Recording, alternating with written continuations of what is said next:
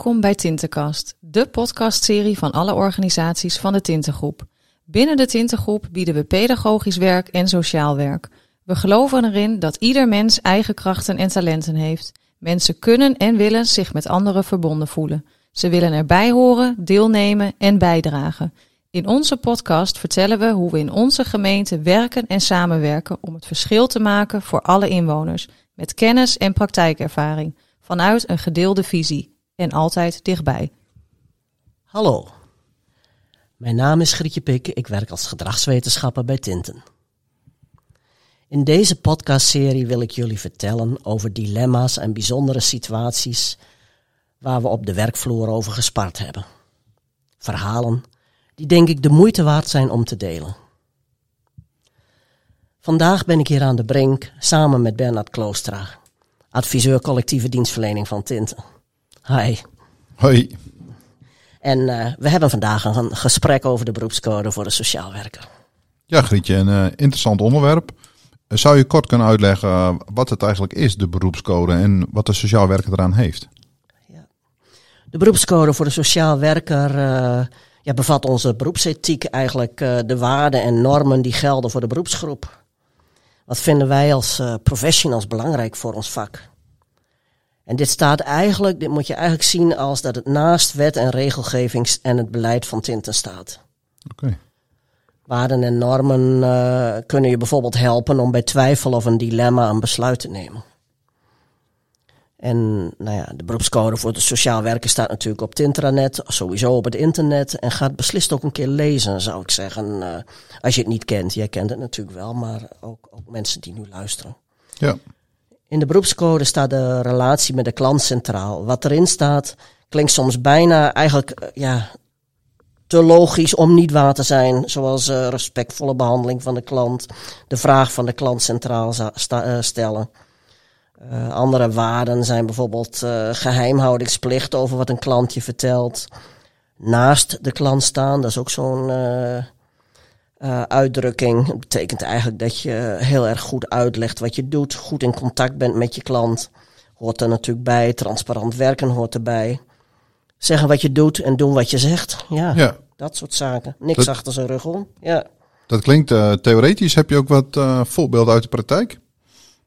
Ja, ja, zeker. We hebben alleen maar voorbeelden uit de praktijk. Ja, heel goed, heel goed. ja, ja. Nou, eerst even heel algemeen uh, wat voorbeelden. Uh, bijvoorbeeld een volwassen zoon of dochter die zich zorgen maakt om zijn demente vader of moeder. Of de moeder die ook mantelzorger is en de deur op slot draait als ze op boodschap gaat of even koffie drinkt bij een vriendin. Ja, het gaat om recht op zorg. Het gaat om een uh, respectvolle benadering. Maar het borst ook wat met het recht op eigen leven van een huisgenoot. Ja. ja. Nou ja, en dan uh, de 16-jarige die beslist niet doet uh, zoals zijn ouders uh, waarschijnlijk zullen willen. En jij twijfelt of je die ouders moet gaan betrekken bij de gesprekken. En terwijl jij ziet dat een jongere afglijdt, niet op school komt, veel bloot, noem maar op. Ja, en dan denk je, ja, hoe lang ga ik nog door met gesprekken? En de 16-jarige die, die is zich goed bewust van zijn rechten en plichten en die zegt, je mag er niks over vertellen. O jee, ja. Ja. Hoe ga je daarmee verder? Ja. We hebben er een uh, aparte podcast aflevering uh, over, over die 16-jarigen. Want dat is echt een heel veel voorkomend uh, onderwerp. Oké. Okay. Nou, Mooi. en dan, ja, ook belangrijk, een oudere dame die jou s'morgens vroeg appt. En je bent er gisteren net geweest en ze zegt tegen je... Ja, het, het, het, het hoeft van mij niet meer en ik wil niet verder leven en je hoeft ook helemaal niks te doen dan hebben we te maken met uh, ja, enerzijds zelfbeschikkingsrecht van mensen. Het zelf een besluit mogen nemen wat je doet met je leven. Ja, tegen anderzijds ook ja, bescherming, uh, helpen bij problemen, naast een klant staan. Uh, dat is ook niet heel makkelijk hoe je daarmee omgaat. En als laatste voorbeeld hier, het zijn even de voorbeelden om te noemen. een vader die tegen je zegt, wil je gesprekken gaan voeren met mijn tienjarige dochter? Uh, ze zit niet lekker in haar vel. Dat is waarschijnlijk wel de meest voorkomende vraag die we gesteld krijgen. Maar dan wordt er ook nog even iets uh, achteraan gezegd, zoals uh, mijn ex heeft een nieuwe vriend en daar kan ze niet mee opschieten. Ja, Er wordt een appel ja. op je gedaan eh, en eigenlijk wordt er al een beetje een antwoord eh, Ja, gegeven. Of het wordt een beetje ingekleurd. je wordt een beetje gestuurd. Je wordt een beetje gestuurd. Ja. Dat is best lastig. Ja, dat kan ik me voorstellen. Dit zijn, ja, dit zijn echt veel voorkomende situaties in het domein van sociaal werk. En situaties waarin je eigenlijk zorgvuldig wil afwegen wat je moet doen. Vooraf wil ik erover zeggen dat je lastige afwegingen en besluiten niet alleen hoeft te nemen. En zelfs soms ook niet moet nemen, zoals veiligheidsbesluiten over kinderen of huiselijk geweldsituaties. Samen. Bespreek het met een ervaren collega, je teamcoach of zoek contact met mij. En probeer afwegingen te maken vanuit verschillende invalshoeken. Vanuit jouw oordeel, de klant, de omgeving van de klant, vaak een vader of een moeder. Hoe denkt iedereen erover? Hoe denk je er zelf over? Hoe hangt het samen met waarden als geheimhouding, naast de klant staan, transparant zijn? Hoe jij erover denkt, hoe de een ander erover denkt. Het raakt gewoon aan waarden en normen van ons als professional, Ja, maar ook die van de klant. ja.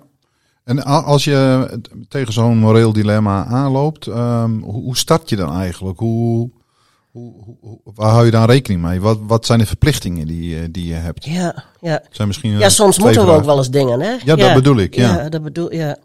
Nou ja, het moeten wordt natuurlijk altijd ingegeven door eh, wetten waar we ons eh, aan te houden hebben en die op situaties van toepassing zijn. En daar zijn we ons niet zo van bewust, maar we hebben grondwetten, we hebben Europees recht, eh, recht op privacy, recht op zelfbeschikking, zijn allemaal grote woorden. Maar ze gelden wel, recht op zorg en onderwijs, maar ook recht op een familieleven. Nou ja, en dichter bij huis eh, hebben we de jeugdwet, wet, meldcode huiselijk geweld en kindermishandeling. Het zijn wetten waar we ons toe te verhouden eh, hebben. Ja, En zijn, na- zijn eh, de sociaal werkers op de hoogte van die wetten? Kennen ze die wetten?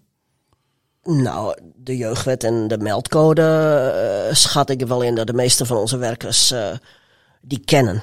Ja. Alleen het gaat ook een beetje om het doorleven. En nou ja, een aantal van die wetten die hebben we ook, ook vertaald eh, naar beleid binnen Tinten. En een voorbeeld is ook wat zakelijk, maar een voorbeeld is het privacyreglement. Ja. Maar we hebben sinds kort ook een suïcideprotocol. En we zijn op dit moment bezig met bijvoorbeeld een rouwprotocol. Ja. En dan denk je, ach, dat is. mi- Misschien heb ik er niks aan, maar het geeft, geeft eh, denkruimte om daar eens naar eh, te kijken. Het, eh, ja, het, het geeft dus in die zin ook handvatten hoe je in de praktijk ermee om kunt gaan. Ja. En het moeten, want we hadden het eigenlijk een beetje over, ja, je moet af en toe eens wat. Ja. En dat is wet en regelgeving. En het moeten zit er niet in, dat gebeurt ook in de praktijk, maar het moeten zit niet erin wat een andere instantie met gezag tegen je zegt. Daar hebben we soms wel eens ontzag voor, maar dat is niet, dat is niet het moeten waar we naar moeten luisteren, maar dat geeft soms druk. Ik ken voorbeelden dat eh, bij een huisverbod gezegd is, wanneer de AFPN, eh, hè, die zegt dan tegen ons, wij hebben een wachtlijst, ach, jullie kunnen ook wel gesprekken voeren met de dader. En Wat is AFPN? Eh, dat is de forensische psychiatrie. Ah, oké. En dat is een van de samenwerkingspartners eh, bij een huisverbod. Oké. Nou ja, en Veilig Thuis, die zegt natuurlijk best vaak, en dat is ook jargon, hoe je ook met elkaar praat. Jullie moeten hulp gaan verlenen en ga ook maar vast, eh, ja, jullie moeten gesprekken met het kind voeren. Dus dan kleur je dat als het ware in. En dit is een ander soort moeten.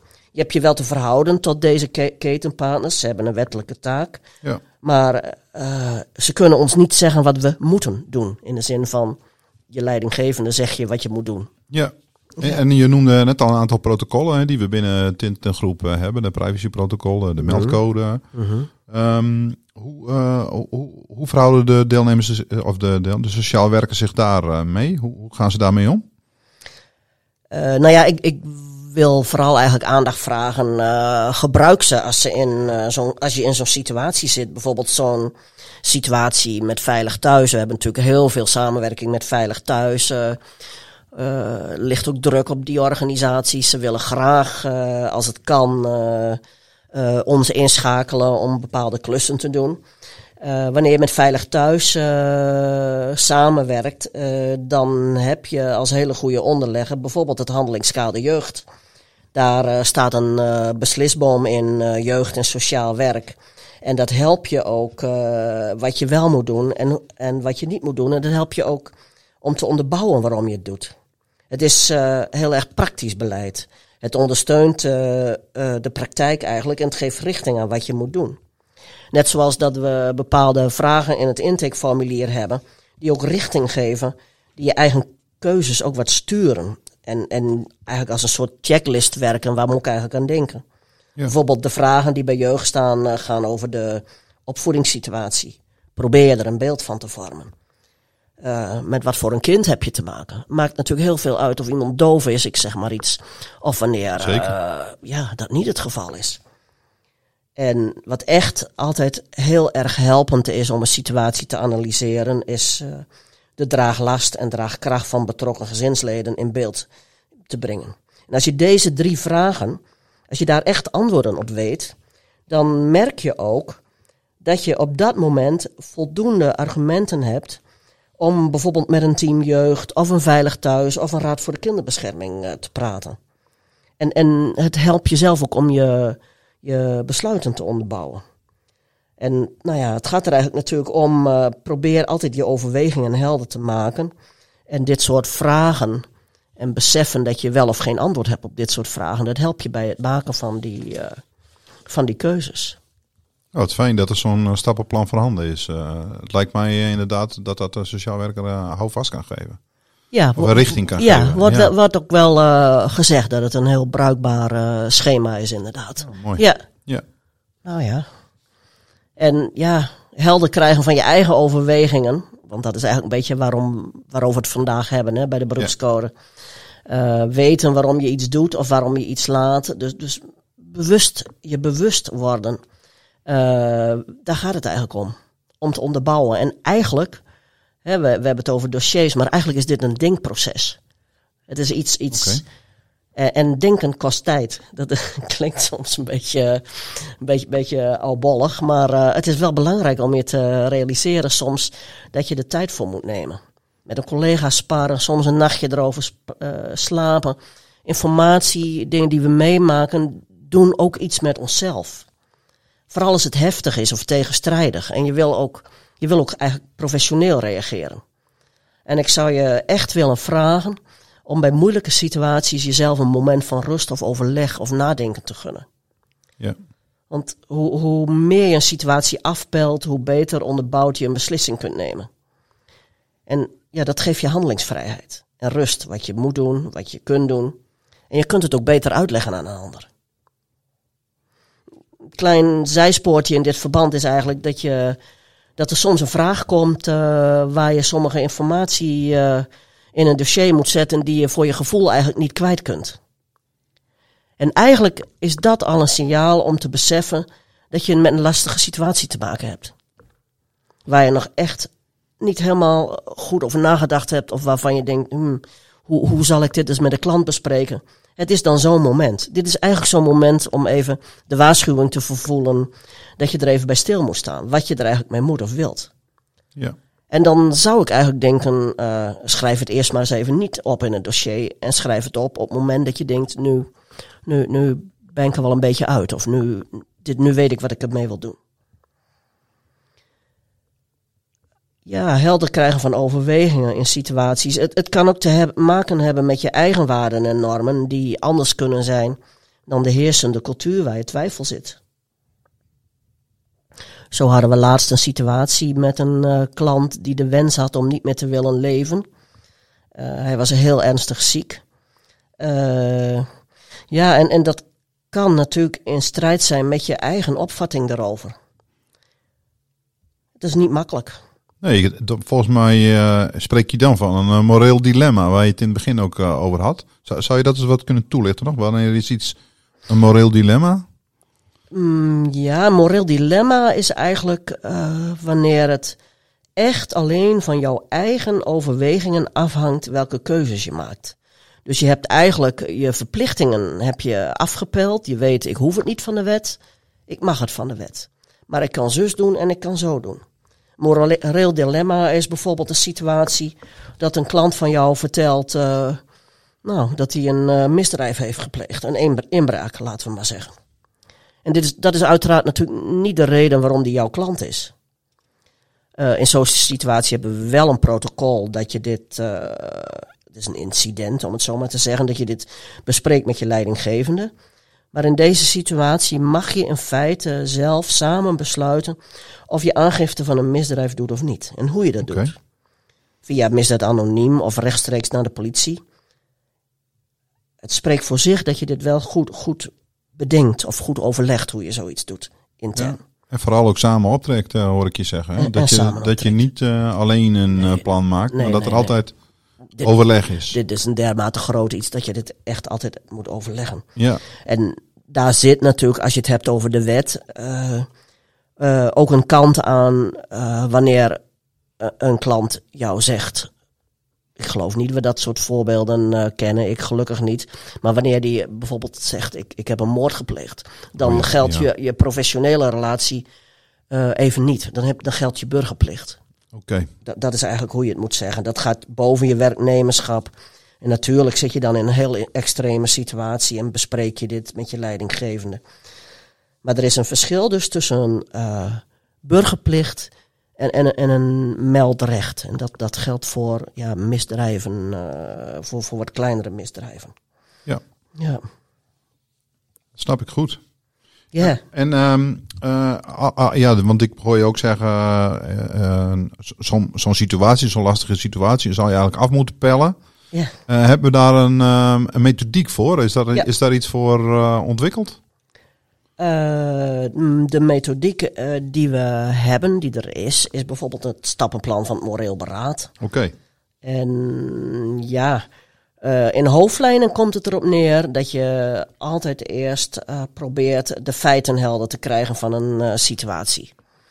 En vervolgens, dit is de eerste stap, verzamelen van informatie. Vervolgens onderzoek je eigenlijk welke ethische dilemma's erin zitten. En je vraagt je af of je voldoende feiten van de situatie kent. Dus het is echt onderzoek. In de tweede fase ga je dieper in op je analyse. Dan ga je bekijken, uh, de stap, wat zijn eigenlijk mijn handelingsmogelijkheden? En vervolgens, welke waarden en normen spelen een rol in het dilemma? Welke belangen spelen een rol in, uh, in het dilemma? Ouders willen andere dingen dan kinderen, we weten het allemaal. Ja. nou ja, en dan, dan komt eigenlijk ook die beroepscode weer om de hoek kijken. Welke artikelen van de beroepscode spelen een rol in het dilemma? En als je dat en het voelt extra uitkouwen, maar bij, bij complexe problemen, en die hebben we toch af en toe, is dit helpend. En dan ga je tenslotte over naar de besluitvorming. Welke rangorde van waarden en normen en besluitvorming zou moeten gelden? In de verantwoording sta je bijvoorbeeld ook stil, wat zijn alternatieven? En een heel helpende vraag is, wat zou ik er zelf eigenlijk van vinden als dit zo overbij gedaan zou worden? Zou je klanten op dezelfde manier willen behandelen? Zou je zelf zo behandeld willen worden? Is ja. altijd een hele helpende vraag. Goeie toets. Ja. Goeie toets, ja. zo is het. Ja. En nou ja, tenslotte uh, bij dit soort, soort grotere vragen waar je zo'n moreel beraad uh, methodiek bij gebruikt, heb je ook altijd, heb ik voldoende overleg met een collega. Ja. En misschien soms je leidinggevende of, of, of de gedragswetenschapper. Bij, bij een moreel dilemma zijn dus eigenlijk verschillende uitkomsten mogelijk.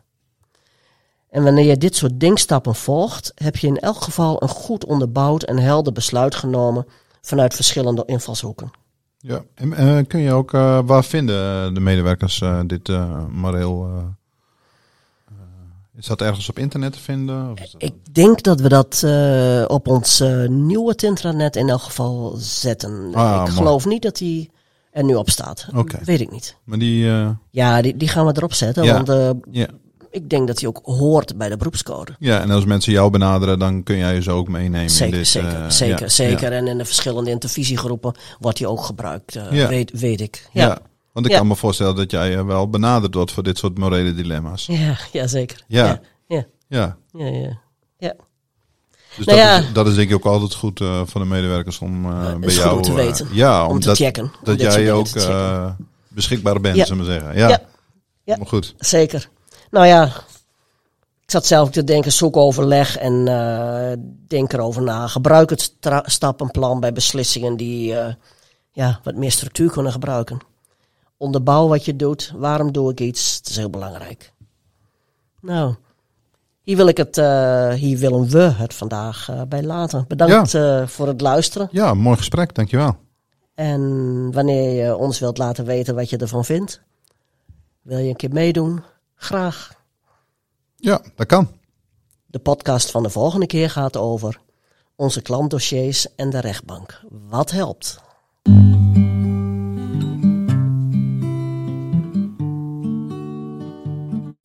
Bedankt voor het luisteren naar deze podcast, gemaakt door en met medewerkers van de Tintengroep. We hopen dat je erdoor geïnspireerd bent en nodigen je uit om ons kanaal te blijven volgen. Heb je vragen of ideeën voor een ander onderwerp waar je graag meer over hoort? Laat het ons weten.